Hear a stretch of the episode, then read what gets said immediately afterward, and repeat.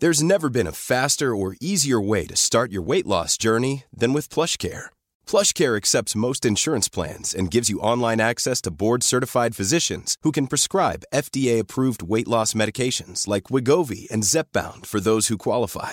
Take charge of your health and speak with a board-certified physician about a weight loss plan that's right for you. Get started today at plushcare.com slash weight loss. That's plushcare.com slash weight loss. plushcare.com slash weight loss. Hey, it's Ryan Reynolds, and I'm here with Keith, co star of my upcoming film, If, only in theaters, May 17th. Do you want to tell people the big news?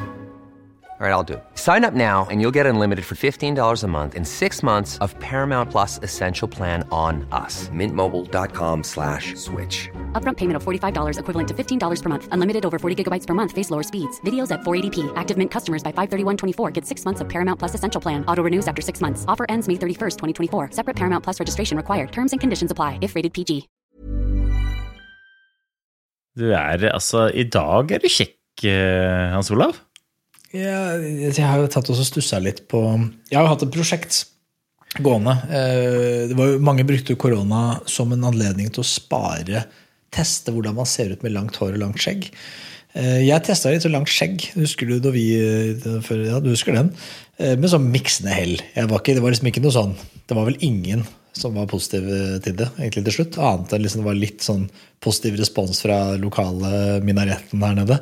Som syntes at det var lovende. Men, men eh, så tenkte jeg langt hår det har vært gøy å teste. Jeg hadde langt hår på ungdomsskolen, som jeg tror var min heyday eh, blant eh, det motsatte kjønn. Eh, og så har ikke Det viser seg at det, det står seg ikke med tiden. så, og så var jeg her, og så klippa jeg meg du, så man skal spare, så må du liksom klippe ting på en spesiell måte. Så hadde jeg vært og klippa meg for tre ukers tid siden. Kommer jeg hjem til madammen og sier ja, hva syns du? Og så ler hun. Hun hånler. eh, og da, da klarte ikke jeg da, Jeg er ikke sterkere menneske enn da bare ringte jeg opp og sa vet du hva, dette spareprosjektet det utgår. Eh, og så krøp jeg til korset. Så nå, nå jeg har jo holder en viss lengde, men, men det, det, det kutta og stussa litt på. Og sånn, så det var, Ja, ok. Så nå er det hele er. Er, det Men er liksom Det blir ikke noe langt hår lenger nå? Nei, nei, jeg tror, at, jeg tror ikke jeg tror måte vi fikk bekrefta at eh, i hvert fall sånn fjeset er eh, for øyeblikket, så, så tror jeg det gjør seg best med Problemet er at jeg har et smalt altså Det er et eller annet med når det blir, Jeg har veldig tjukt hår. Veldig, egentlig ganske lite hode til å være så lang. Så det som skjer, er på en måte at hodet blir borte i håret på et vis. Eh, og det er ikke en stil som i hvert fall passer meg. Jeg vet ikke om det er noen som kler den. Vi har et motsatt problem, du og jeg. vet Du? Du har et stort hode på en liten kropp. Jeg har et lite hode på en stor kropp. Ja, ja jeg, vil, jeg vil jo si at sveisen din nå ligner litt på Erik Soler sin. Er det Ja, Erik Soler sånn- var jo et sexsymbol, var det ikke det? Så det er klart, Ja, det er et jeg- kompliment. Dette er et kompliment. Min ligner mer på Broder Tuck, så det er liksom Det er ikke noe Jeg sier ikke at jeg, jeg er helt oppe å spille, men det er jo Det er litt forfengelighet eh, inne i bildet her, sånn. Eh, Utelukkende. Eh, Altså, hvorfor bry altså, Hvorfor Men igjen, man, jeg tror at ja, Forfengelighet er jo det, selvfølgelig, men, men er det ikke liksom eh, Men jeg, jeg, Jeg føler meg jo bedre selv, kanskje, og da er du ikke kun forfengelighet. Eh, Man, jeg liker det jeg ser i, speilet. Men-. Eller ikke mer det jeg ser i speilet. men er det ikke et lite paradoks at du sier at det, liksom, hodet ditt og fjeset ditt har en tendens til å bli borti alt håret, og så da Når du sier det, og du sier at du har et lite hode og lite fjes i forhold til kroppen, så i tillegg så sparer du til skjegg. Ja, men hør, hør nå. Skjegg gir mening, fordi skjegget forlenger fjeset. Det, det større fjeset, ikke sant? Så hvis du hadde sett meg uten skjegg, så mister jeg sånn 20% av ansiktsoverflaten. ikke sant?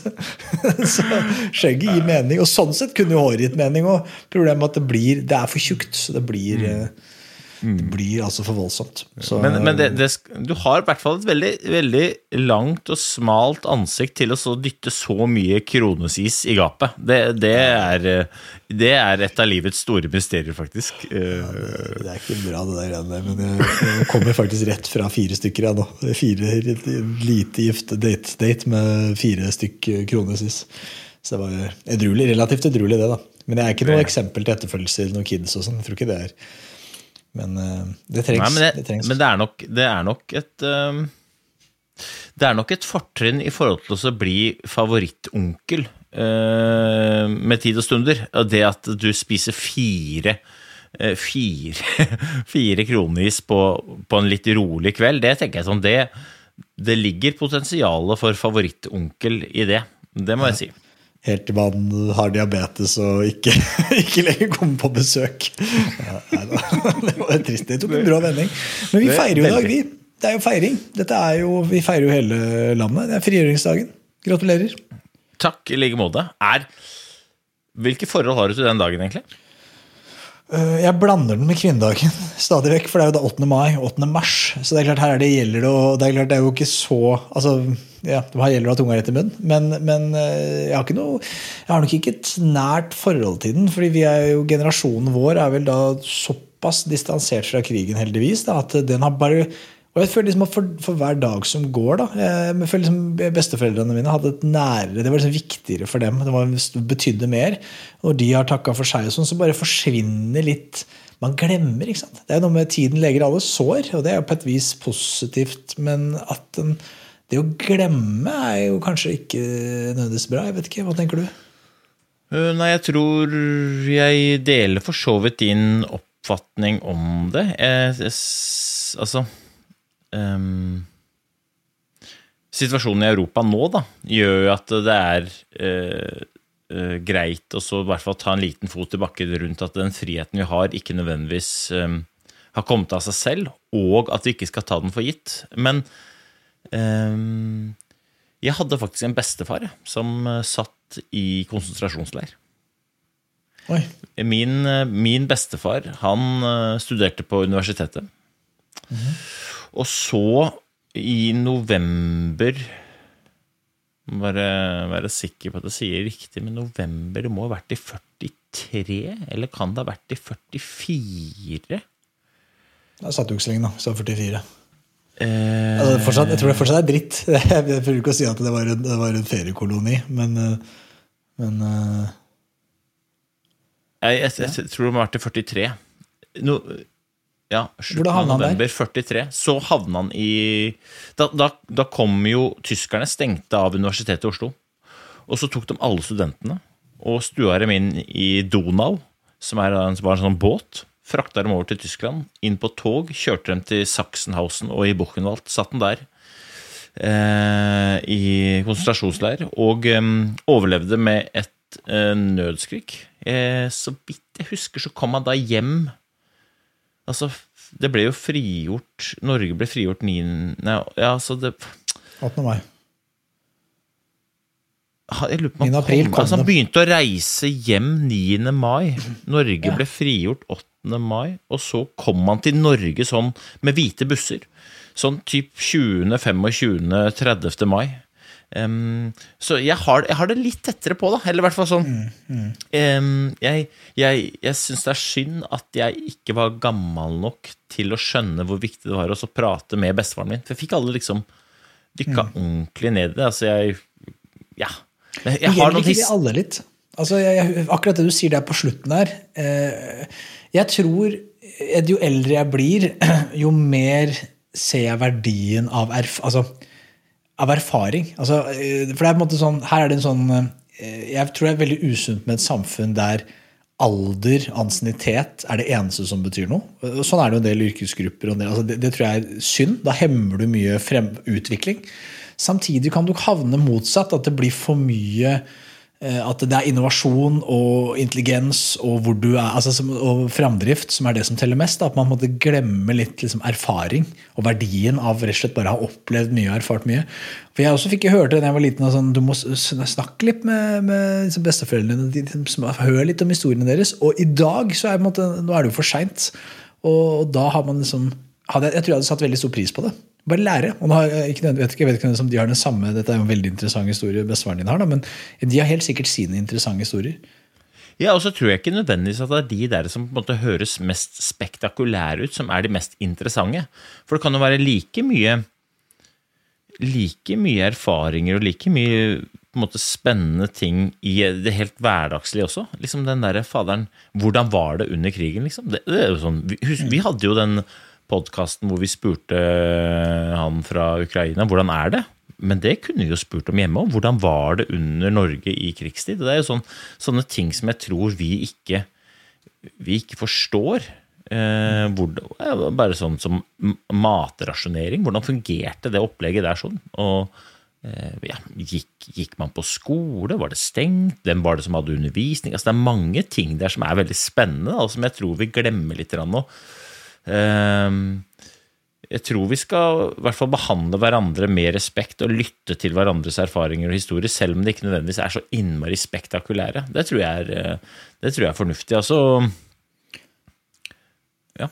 ja er det, det, er jo mye livserfaring òg. Altså, jeg er veldig fascinert av, av dette med å spørre folk som ligger på dødsleiet, eller folk som er, har levd et langt langt, langt liv, da, og kanskje har noen ikke har, langt færre år igjen enn de har levd, og spørre de liksom hva, hva angrer de på? Altså, Hva skulle de gjort annerledes om igjen? Eh, og, og, ikke minst liksom, hva er de fornøyd med? Hvilke, liksom, hva, hvilke, valg var det de gjorde som de setter pris på? Hva er det de setter pris på? da? Hva, hva, er det som er viktig for dem i dag, og hva, og hva er det de skulle gjort annerledes? Og Dette er jo forska litt på. Og det er jo, her er liksom, Dette er jo liksom det store skuddet for baugen for, for, det vi veldig mange altså det jeg selv inkludert. Da, jeg liker å være filosofisk på disse greiene her, men det jo, man jobber for, det er ofte det er jo liksom å tjene penger, få statusen, ha bilen som er kulere enn naboens bil. og De tingene vi snakker mye om. Det er jo ingen, ingen av de, det studiene jeg har lest, da, så er det ingen av de som ligger på dødsleiet som sier fy flate, var bra at jeg jobba overtid i hele det ene året der, så jeg fikk kjøpt den Mercedesen. Så jeg hadde hakket nyere Mercedes enn naboen. Det er jeg fornøyd med. Utover det så har jeg ikke så mye jeg angrer på. Det er, jo, det, er ingen, det er, jo, ingen, som sier det. det felles for alle er at de sier at de angrer på alle av de som Jeg husker ikke, jeg finner kilder på. Dette er, det, dette er gjort et, et studie på. Og, det, det er, og felles for alle er liksom fellesnevneren er at de sier at de angrer på at ikke de tilbrakte mer tid sammen med de de var mest glad i, når de hadde sjansen. Et eksempel er Du er jo nå barnefar, ikke sant? og kidsa dine er seks og ti år, er det ikke det? Mm. Eh, du har, altså Hvis du går beinhard med deg, da, du har ca. åtte år igjen. du hvor Oda gidder å bry seg om deg. Gidder å henge med faren sin. Og så kommer det en periode hvor du sannsynligvis ikke ser snurten ennå. Jeg vet for min egen del, da, Så fort jeg ble 18 år, så flytta jeg til Bergen. Og jeg var i gåseøynene en dårlig sønn. Jeg, jeg, jeg, tok, jeg, tok, mamma og pappa for gitt. Jeg, hadde, jeg drev mine ting, og alt støy fra de var på en måte støy. Det kunne jeg ta når jeg hadde ledig tid, og det var stort sett aldri. Og, og, og, og da tror jeg altså, Kan jeg gjette på at mamma og pappa kunne, kan ha tenkt Dette har jeg ikke spurt dem om, da, men kan ha tenkt sånn Shit, liksom, nå var det stille i huset her. Liksom. Jeg, vi burde brukt, vi burde vært med med denne gutten når vi hadde sjansen, da, når han var her hjemme. Og nå, og nå, som jeg er tilbake, og jeg, vi har et veldig fint, veldig fint bånd, men, men, jeg er jo, jeg er jo altfor sjelden på besøk. Det er jo ikke som når man bodde i samme hus. Ja, det der er uh jeg har faktisk filosofert litt over det. Det er veldig artig at du tar det opp. Og nå tenker lytterne at vi hadde bestemt det for å gå den retningen, men det har, det har vi ikke. Men jeg synes det er sinnssykt spennende at du tar det opp, fordi at um, jeg, hadde, jeg, hadde, en løpetur her en dag hvor jeg tenkte på at uh, nå er det ikke så lenge før minstemann slutter å på en måte være sånn kosete. Mm. Uh, og, og, da er den perioden over. for alltid? Liksom, ja, for alltid. Eh, men det som, det som, er rart, er jo at selv om ungene kommer til å vokse opp, selv om de forhåpentligvis en dag kommer til å gifte seg og få egne unger, og bli voksne og forhåpentligvis fine folk, så kommer de alltid til å være mine små. Altså Jeg kommer alltid til, tror jeg, å se på mine barn som mine små.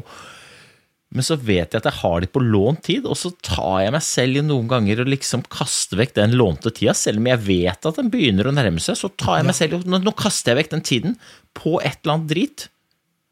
Og så plutselig da, når sjansen ikke er der, så angrer jeg på at jeg ikke gjorde det. ikke sant? Det er derfor, liksom, sånn som nå da vi spiller inn ikke sant, At jeg har ligget oppe i senga med Sigurd. Han er um, pollenallergisk. Vi har ligget der, og vi har bare kosa. Mm. Og, og, jeg bare sånn Fy faderen, dette er altså så viktig.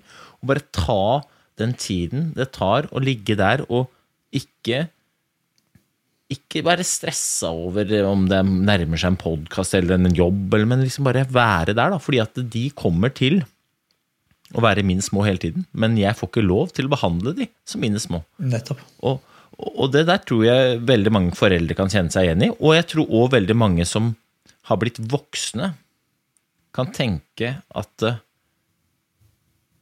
våre foreldre tenker. da. Altså, jeg, jeg, jeg er ikke noe bedre enn deg jeg, til å så ta vare på mine foreldre, men jeg vet jo at mine foreldre ser på meg som min lille.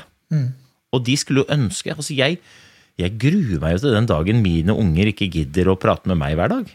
Men jeg vet jo med meg selv at jeg ikke prater Eller jeg prater ikke med mine foreldre hver dag. Og den dagen jeg ikke får muligheten til det, så sitter man jo og angrer. Det der er jo det der er litt vondt å kjenne på, samtidig, samtidig som det er jo en mulighet til å så på en måte skjerpe seg òg, da. Det er det jo. Altså, hva, er det som, hva er det som hindrer oss, liksom? Nei, nei, og det- er kanskje litt det at man Men, men det er Og dette er bare livserfaring. Jeg, altså jeg, jeg, jeg tror For deg er dette mye nærere. For at, som du sier, når du kan kjenne seg det, så du, kan, du sitter på en måte med en generasjon over deg som fort, du fortsatt har muligheten til å bruke masse tid med og prioritere og være god med. Og samtidig som du har en generasjon under deg som du kan ha de samme mulighetene overfor. Og du har vært, du har, du, du har vært, du har vært kjent på begge følelsene. Du, kan både relatere deg til å ha barn, og den følelsen det er, og hvilken kjærlighet det er, samtidig som du kan forholde deg til å være et barn. Og det tror jeg er som du sa der, da, at du blir mer, kanskje mer bevisst på eh, akkurat den dynamikken med at nå, eh, nå er det, du, er måte, du sitter med muligheten til å, til å gi tilbake oppover òg. Og det, det er kanskje de enkleste å ta for gitt, er jo de som er aller mest glad i deg. Og derfor tar vi de for gitt hver eneste dag. Helt til det er for seint. Og da angrer du. Og du angrer ikke på at du tok for gitt en eller annen leverandør på jobben som prøvde å ringe deg søndag kveld. Og, og så, det er jo aldri den personen du angrer på at du ikke prioriterte med tiden, men du angrer på at du ikke prioriterte sønnen din på seks år med pollenallergi, som lå oppe og hadde lyst til å kose med pappaen sin. For det var kanskje den siste dagen han gadd det. fordi når han ble seks år og 38 dager, da var det slutt. Da var det slutt, ville han ikke mer. Dette er en god prat. Og jeg har tatt meg en tår kaffe. Det vet jeg, det, det, det hører jeg at du har gjort også. Vi har fått noe Coop kaffe i gapet, for denne samtalen den er en av de bedre vi eh, har hatt på en stund. Dette er ikke det? Det er oppe der. Ja, og så er det jo veldig fint å ha den praten over en kopp kaffe også. For det kaffe symboliserer jo på en måte det trygge og det du er glad i, og det hverdagslige. da. Det gjør jo det. Det er ikke noe fjongt over en kopp kaffe. Men vi har en tendens til å glemme å nyte den.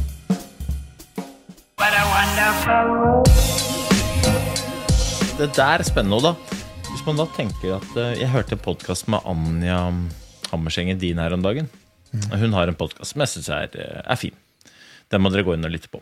Um, så, eh, Det var en helt annen kontekst, men hun sa Sett at det hadde vært en konkurranse, dette her. Sett at dette hadde vært en konkurranse hvor du konkurrerer med noen andre om oppmerksomheten til de folka du er glad i.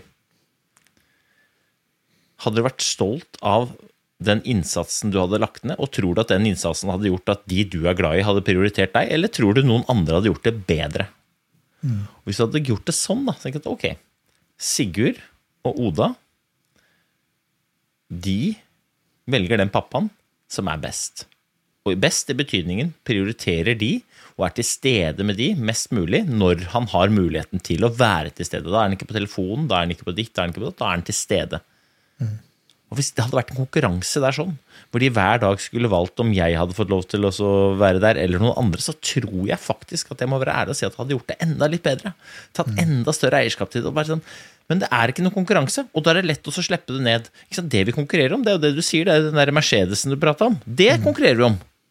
Men alt det andre, det tar vi, som du sier, helt, helt presist. Vi tar det jo for gitt.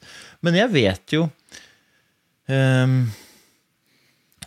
Når jeg lå nede på, på akutten, vet eh, på, på sjukehuset der, så, så fikk jeg jo beskjed om å ringe Ellen. Jeg fikk beskjed om å ringe Ellen fordi at eh, eh, det kunne være siste gangen jeg fikk muligheten til det, og de visste ikke hvor lenge jeg kom til å være bevisst. Og det er jo sånn Det er jo ikke noe god uh, beskjed å få. Så ringte jeg Ellen, klarte liksom å samle meg og ringte Ellen og uh, fikk sagt det jeg ville si, så la jeg på. Og så, bare noen sekunder senere, så ringte jo Oda. Mens jeg lå på båra der sånn, før jeg ble flydd eh, til Rikshospitalet, så ringte jo Oda. Og hun lurte på om jeg var ute og sykle, og så sa jeg at jeg var- er ute og sykler, eh, men eh, ikke sånn som du tror. Og så sa jeg du må ringe til mamma, og så skal hun oppdatere deg på hva som har skjedd. Men så må du huske, Oda, at pappa er innmari glad i deg. Og så la vi på. Og den gråten som jeg hadde da, den representerer jo på en måte hvor sårbar jeg var, og hvor redd jeg var for å miste Oda. Men jeg må jo være ærlig og si at den gråten der, da, ikke nødvendigvis alltid samsvarer med hvilken innsats jeg har for å sørge for at den dagen jeg virkelig havner i uføre og ikke kommer meg tilbake igjen, at den gråten er litt mindre. Så det er ikke alltid at jeg prioriterer Oda, Sigurd og Ellen så godt som jeg burde ha gjort. Dette, det du sier der, det er Det er, eh, det, det, det er ikke noe jeg hadde tenkt vi skulle snakke om i dag, men det er, det er et tankekors eh, det er et tankekors, og jeg, og jeg prøver å bruke tid på altså Dette er noe jeg nylig har begynt å bruke tid på å tenke på, men jeg føler at det er, det er noe alle burde tenke på. Og, og så kan man si at ja, men jeg er jo hva med meg, jeg er allerede 54 år, og når jeg begynner å tenke på dette, ja, men du har fortsatt halve livet igjen. da, det, tenk, altså det, Jeg vil heller tenke på det. Og jeg skulle ønske jeg tenkte på det da jeg var 11-12, eller 15, så fort jeg var moden nok til å kunne kanskje begynne å tenke disse tankene. Eh, Men det er jo sunk cost, som man sier i økonomien. Det er for, altså, det, men jeg kan endre meg selv i dag. da. Jeg kan begynne å tenke på det nå. Uh, og, og Ja, sånn er det jo. Det er jo, et- det er jo et ærlig sak da, at det, for alle, deg, meg og alle som eventuelt lytter, så kan det jo være slutt. I dag. Og hvis det er slutt i dag, det kan det være. Jeg håper ikke at det er det, men det kan jo være. Hvis det er slutt i dag, er du da stolt over hvordan du har brukt tiden din? Har du ringt eh, de folka du er glad i, eller har du ikke gjort det? Ikke, det blir jo utopisk hvis man bare skal bruke tid på å ringe de folka man er glad i, så får man ikke tid til noe, men, men poenget ligger der likevel, den der bevisstheten. Da. Og, um, men, men så har jeg tenkt, øh, og det har jeg tenkt både, både fordi at jeg jobba med mange spennende og veldig mange ulike typer mennesker, men da satte i gang kverna mi litt da, på hvorfor er det sånn at vi ikke prioriterer disse tingene? Ja, hvorfor er det det? hvorfor er det sånn at øh, vi på en måte glemmer det litt, og jeg har ikke noe fasit på det, men jeg har, jeg har, har noen tanker rundt det, og det ene der er jo at øh, og det er fint å snakke om det egentlig i, i, i forbindelse med frigjøringsdagen, da, fordi at vi, vi blir opplært til å jage ytre ting. Og vi blir opplært til eh, å, å få til masse, vi blir opplært til å strekke oss, vi blir opplært til å være ambisiøse, vi blir opplært til å på en måte prøve å bli noe. Mm, Det ene eller det andre. Det er jo det på en måte vi blir opplært til. Eh, Men det vi ikke blir opplært til, det er jo å sette grenser for verden rundt oss, slik at ikke verden rundt oss setter begrensninger for oss. Det lærer vi ikke. Altså,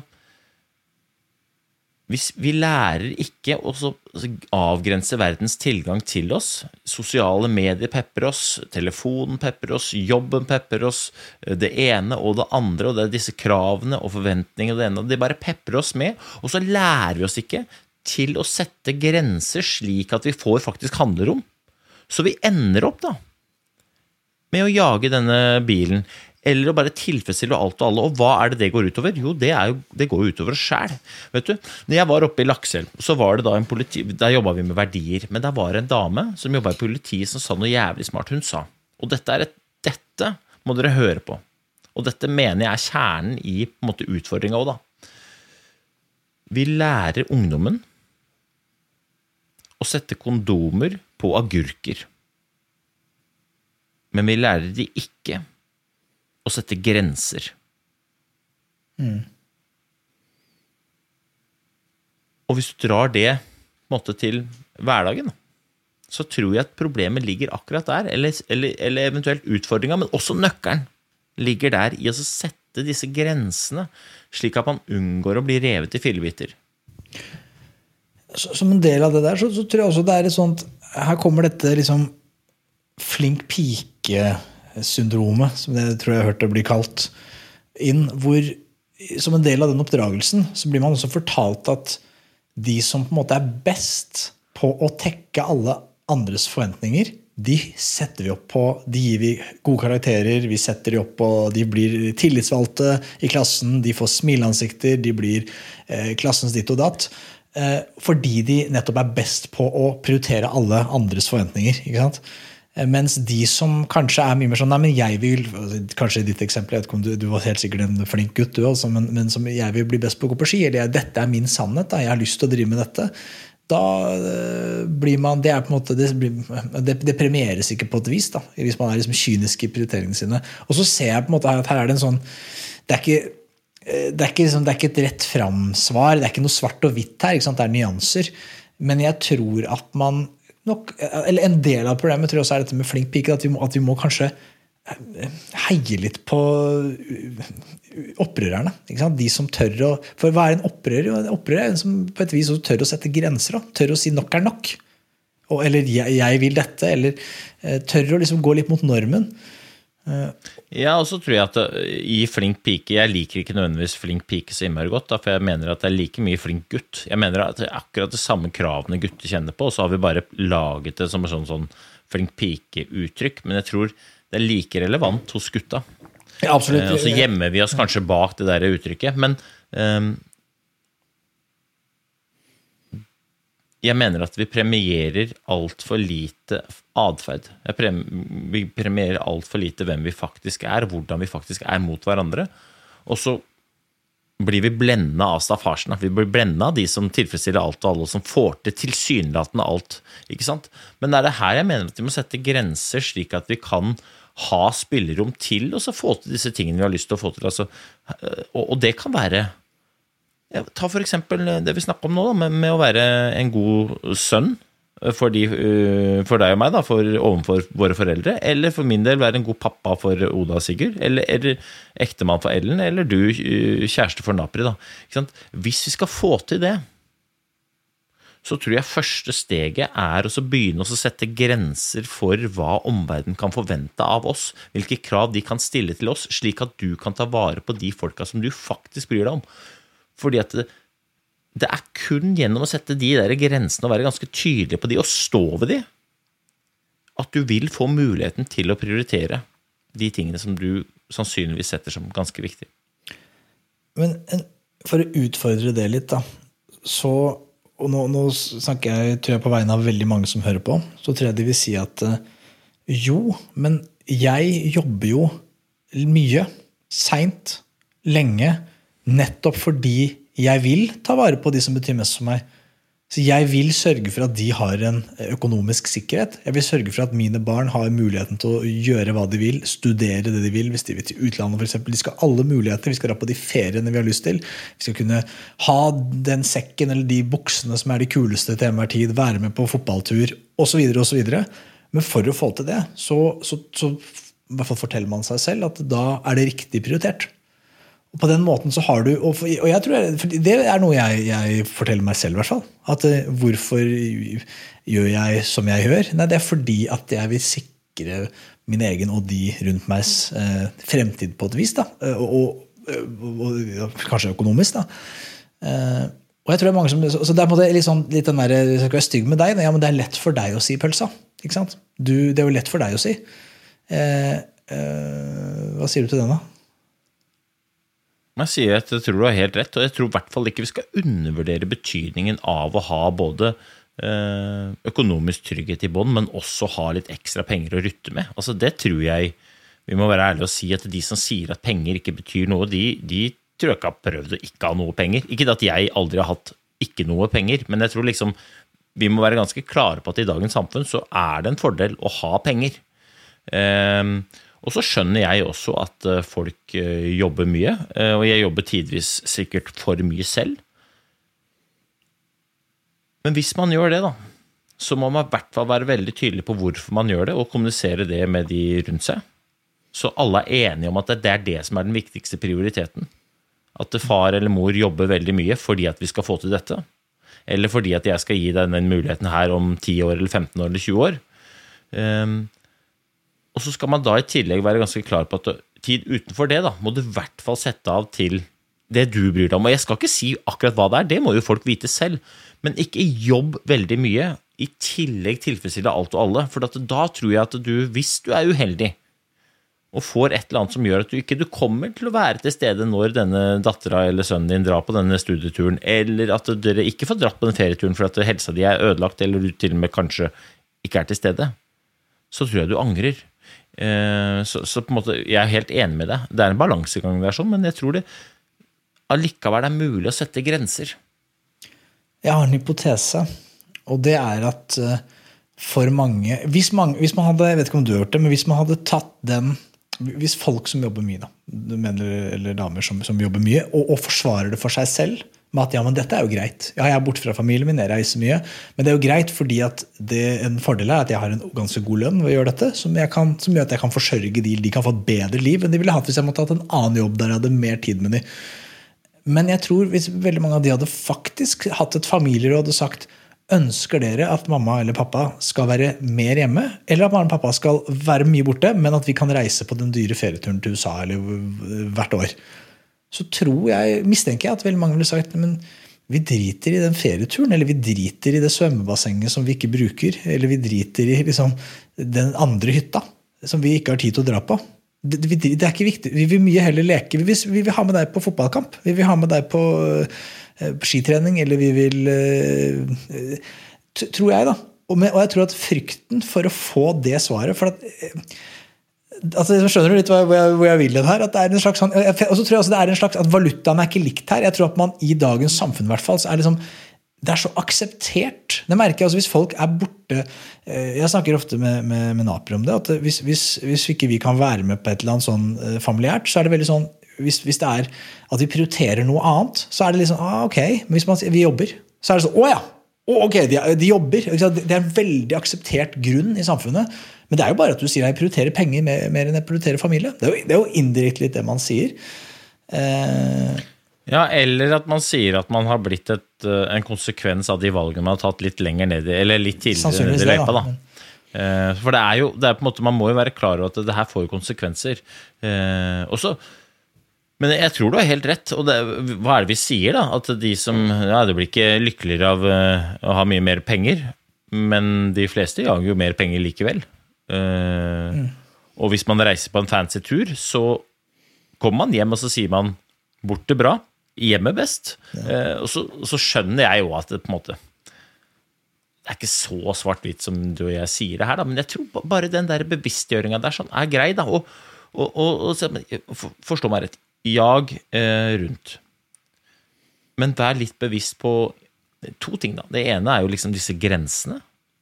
Så slik at du på en måte har, har, rom til å være til stede. Men det andre, som jeg ikke hadde visst at vi skulle prate om, men som jeg tenker er kjempeviktig, det er at når du er til stede, så vær til stede, da. Sett pris på den derre hverdagslige tingen. Sett pris på muligheten til å være glad i de folka du er glad i, og gjør det gjerne til lat som du har en konkurrent. For jeg tror det kan øke prestasjonen din som pappa, sønn, ektemann, det ene eller det andre. Og det vil ikke være noe straff så lenge du er opptatt av at du skal være en god ektemann, pappa eller sønn for de folka du bryr deg om. Mm. Nei, jeg, det, er, veldig, er skummelt å tenke på fordi det er mange ting der. jeg tror for, for, Det er også det elementet tror jeg, som vi eh, Det der med hva, hva er nok? For det er sånn som jeg, jeg kan fortelle til meg selv. At, ja, men jeg skal jo bare holde på med sånn og sånn. sånn det, det, det må jeg ha nok. ikke sant?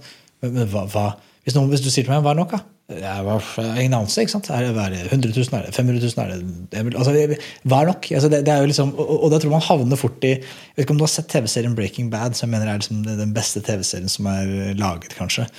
Så, så, er dette liksom ikke helt sammenlignbart, men, men litt. det er at han, han, begynner jo med kriminalitet. altså Han begynner med å selge crystal, lage crystal meth ut av en slags nødvendighet. Og vi som seere er på laget hans fordi han han, eh, han, har fått kreft. Han skal, må gjøre dette for å, for å betale for behandlingen sin. Fordi at familie, Han må være til stede for familien sin. Og så har han lyst til å, og etter hvert så vil han tjene litt mer litt mer enn bare behandlingen, for han har lyst til å gi litt til familien. Hvis han dør, så må han etterlate seg noe.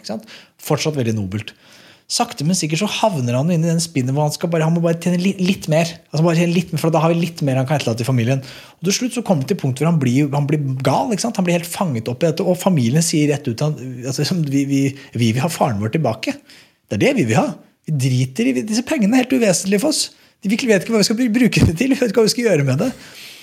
Og så går, ender jo ikke det så veldig bra uten at vi skal spoile hele den TV-serien. Men, men eh, det er et sånn tankekors. Altså, jeg, jeg kan, jeg, uten at jeg vet disse milliardærene i Norge hvordan de tenker på det, men Røkke og Kohl liksom, er sånn, jeg tror altså, det, det, det er liksom sånn når er det Jeg tror de finner en så her er det, det er ikke svart-hvitt. Man finner en glede i det man gjør. Man syns jo det er dritgøy. Og, og, det er kanskje litt det som er det vonde her. Man, jeg tror veldig mange av de som er mye borte og bruker mye tid på det, og sånn, siden du driver musikk, da, musikk reiser verden rundt og gjør det, så er det, liksom, det elsker man å gjøre. Så vet man jo at en konsekvens av å gjøre det er at du er borte fra familien. Du gjorde dette når du var ute og gikk ski. du Reiste verden rundt. Det er jo veldig ego, men du fikk jo masse glede av det. Ja, og så er det jo også må vi også være klar over at det er jo en del ting man kan gjøre hvor konsekvensen av å være ganske god i det gjør at du tjener mye penger, uten nødvendigvis at du er en idiot av den grunn. Det finnes jo haug av gode folk som tjener mye penger, og som bruker masse tid sammen med folka sine, men de er bare innmari gode i det de gjør, så det måtte generere mye penger likevel. Så det er ikke sånn at alle som tjener mye penger, bortprioriterer eh, nei, nei, nei, folka sine heller. Absolutt ikke. Men, eh, men eh, det er kjempe det er kjempespennende. Um, og så er det, det, er, det er litt vondt òg. Jeg, jeg, jeg, jeg syns det, er kjempevondt. Eller veldig sånn. Eller veldig sånn og, og, jeg føler at jeg er jo, er jo, der i livet hvor jeg på et vis har Jeg tror det er sunt å være jeg er på en måte fornøyd med at jeg tenker tankene. For jeg tror det er jo steg én her. Da, det er å være litt bevisste. Eh, for da kan man jo gjøre noe med det. Eh, men jeg har på en måte ikke svarene, og jeg er, us, jeg er konsekvent usikker på om jeg prioriterer riktig. Ehm, men eh, det er vel der disse verdiene dine er kompasset, da, som hele tiden man må måle det mot. Eh, for liksom gjør man, Prioriterer man riktig, så må man peile med, med de. da. Og hvis man gjør det ja. med jevne mellomrom, så ja, jeg mener jo at man ikke kan feile hvis man følger verdikompasset. Jeg mener at man ikke kan feile da fordi at det det sikrer at, en, at, du ikke har noe klump i magen når du holder på med det du gjør, uansett hva du gjør. Og hvem er vi til å dømme folk for hva de gjør? Så lenge de følger sitt eget verdikompass, så tror jeg at folk kommer til å, å være fornøyd med det. Da. Men, um, men, da må man jo være det bevisst, og så må man jo gjøre det også. Verdikompasset er ikke verdt noe hvis ikke du bruker det, uh, som alle andre kompass, for den saks skyld. Og uh, altså, Det er i hvert fall mange som har spurt meg da, om, om Jeg har masa litt om verdier og, og, fått lov til å jobbe også. Eh, og så eh, Nå for eksempel oppe i, i Nord-Norge der, så var det noen som spurte meg da om hvordan Det er ikke lett å finne verdiene. Det er ikke lett å sette seg ned ikke sant? og så begynne å velge verdier, for det er så mange, og alle er fine, og du har lyst til å egentlig ha alle. Du finner noen verdier, så er det sånn Nei, det er ikke meg, eller det er ikke så viktig for meg, eller Så det er ikke lett. Eh, og så hørte jeg da en, en podkast her eh, i forrige uke hvor en sa noe veldig smart. Altså hvis du skal Den letteste måten å finne dine ekte verdier på, det er å gå helt i andre enden av skalaen. Eh, hva er det du blir jævlig forbanna over? Altså, mm. hva er det du ser i løpet av dagen som du virkelig fyrer opp under? Altså sånn om det er det kan være at folk kommer for seint. Det kan være at folk ikke tar eh, ansvar. Det kan være at folk gjør et godt stykke arbeid skikkelig dårlig, at det bare slurver. Det kan være mobbing. Altså det kan være at folk ikke respekterer det. Altså, det du blir dritforbanna over, det motsatte av det, det er verdien din. Mm. Sånn, det er en ganske fin angrepsmåte å ta det på hvis man liksom begynner å lure litt på ah, Det er vanskelig, det er så mange gode. For det, det, du har noen punkter som du virkelig liksom fyrer på. da. Mm. Og det motsatte av det, det er verdien din. Så Nei, kan, du, kan du begynne i den enden der, da. Det er bra tips, det der, altså. Nei, men uh, dette var man, uh, nok en uh, Vet du hva jeg skal? Nei, jeg vet ingen anelse. Nå skal jeg gå inn i stua skal jeg gi min kone en ordentlig god klem. Ja. Skal jeg si at jeg er drita glad i henne. Skal jeg gå opp. Oda og Sigurd de sover. Så skal jeg kysse dem på panna. Så skal jeg se faderen, ass. Ikke si noe, men bare Så fortsatt er sjansen.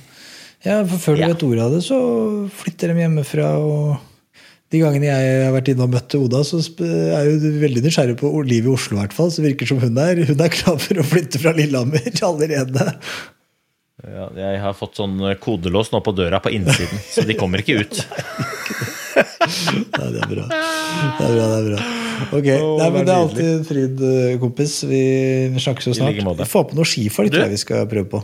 Ja, vi skal få på noen skifolk neste vi, vi prøvde jo egentlig skulle ha skipod i dag, da, men eh, det er tydeligvis mye å gjøre i skibransjen, så det var ingen som hadde tid. Vi spurte eh, Alle. Ikke alle, men eh, i hvert fall halve, halve mm, arsenalet spurte vi, men ingen kunne. Men um, det skal vi få på.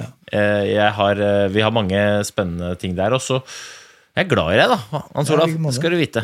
Så hvis alt eh, skjærer seg nå, så Og selv om jeg sier at du ser litt rar ut innimellom, så det er ikke noe Det er bare et tegn på aksept. Ja, det er godsidet. Det er godsidet, uh, heter det. Det tror jeg på. Jeg, like måte. Det er, du har i hvert fall eh, kommet inn i mitt liv og fått meg til å reflektere litt. Og det mm, er veldig sunt. Skummelt, men det er veldig sunt. Nei da. Det er, det er sunt. Ja, vi snakkes, da. Hoi, hoi. Lag en strålende uke. Hola!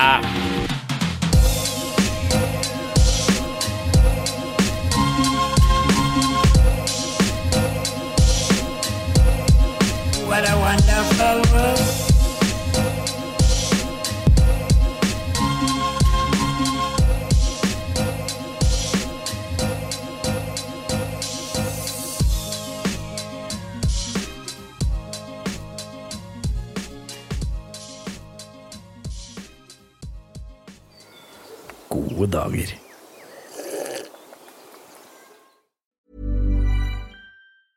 Even when we're on a budget, we still deserve nice things. Quince is a place to scoop up stunning high-end goods for 50 to 80% less than similar brands. They have buttery soft cashmere sweaters starting at $50, luxurious Italian leather bags, and so much more. Plus, Quince only works with factories that use safe, ethical, and responsible manufacturing. Get the high-end goods you'll love without the high price tag with Quince. Go to quince.com slash style for free shipping and 365-day returns. Imagine the softest sheets you've ever felt. Now imagine them getting even softer over time. That's what you'll feel with Bowl and Branch's organic cotton sheets. In a recent customer survey, 96% replied that Bowl and Branch sheets get softer with every wash. Start getting your best night's sleep in these sheets that get softer and softer for years to come. Try their sheets with a 30-night guarantee. Plus, get 15% off your first order at bowlandbranch.com. Code BUTTERY. Exclusions apply. See site for details.